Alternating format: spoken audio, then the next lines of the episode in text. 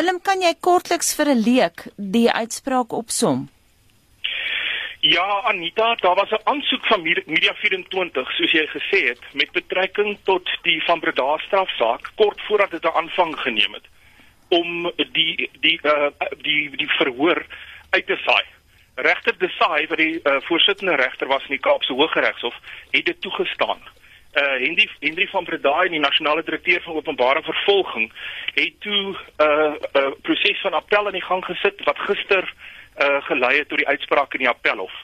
Wat die hof basies bevind het, is die hof het bevind dat 'n gedeelte van regter Desai se uitspraak ehm um, tersyde gestel moet word en dat die saak terugverwys moet word na die Wes-Kaapse Hooggeregshof vir heroorweging in ooreenstemming met die beginsels wat die hof neergelê het.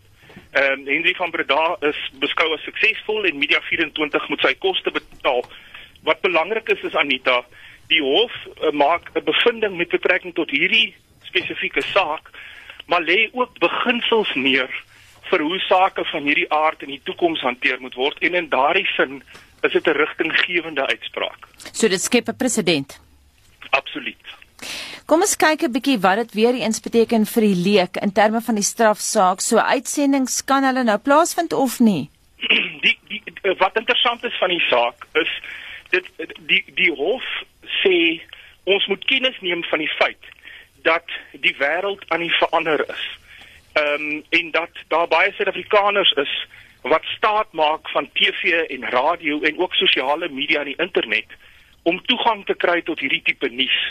So die daar's 'n daar's 'n verandering in die benadering van die hof wat ek optel. Die hof sê nou in beginsel word behoort um, uitsending toegelaat te word. Maar dis 'n moeilike aangeleentheid want jy het twee grondwetlike regte wat met mekaar kopstamp.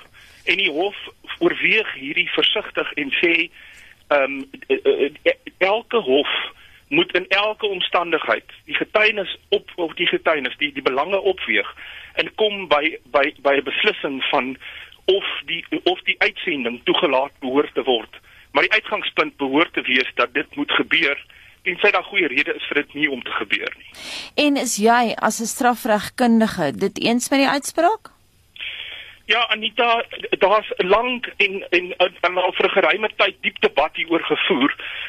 Daar's 'n skool wat meen dat die teenwoordigheid van uh kameras veral in howe druk plaas op getuies en ook die risiko skep dat dat byvoorbeeld teen getuie wat later kom getuig, die weergawe van 'n vroeë getuie kan hoor en sy getuies uh, getuienis daarvolgens aanpas. Die hof handel met hierdie aspekte uh en vind dat die die die die reg van vryheid van uitdrukking wat wat ook onder lê word deur die idee van 'n die open justice principle. Met ander woorde iets soos geregtigheid moet nie net gedoen word nie, maar gesien word om gedoen te word uh belangrik is. So so ek ek ek dink dit is 'n goeie uitspraak van die appelhof, maar die appelhof gee toe dat ons in 'n um, 'n nuwe wêreld beweeg en dat en dat dit dat 'n mens um, amper um, buigsaam moet wees om 'n oplossing te kry wat wat werk in elke situasie. Willem en op 'n praktiese vlak is daar nog verdere appelopsies vir enige van die partye.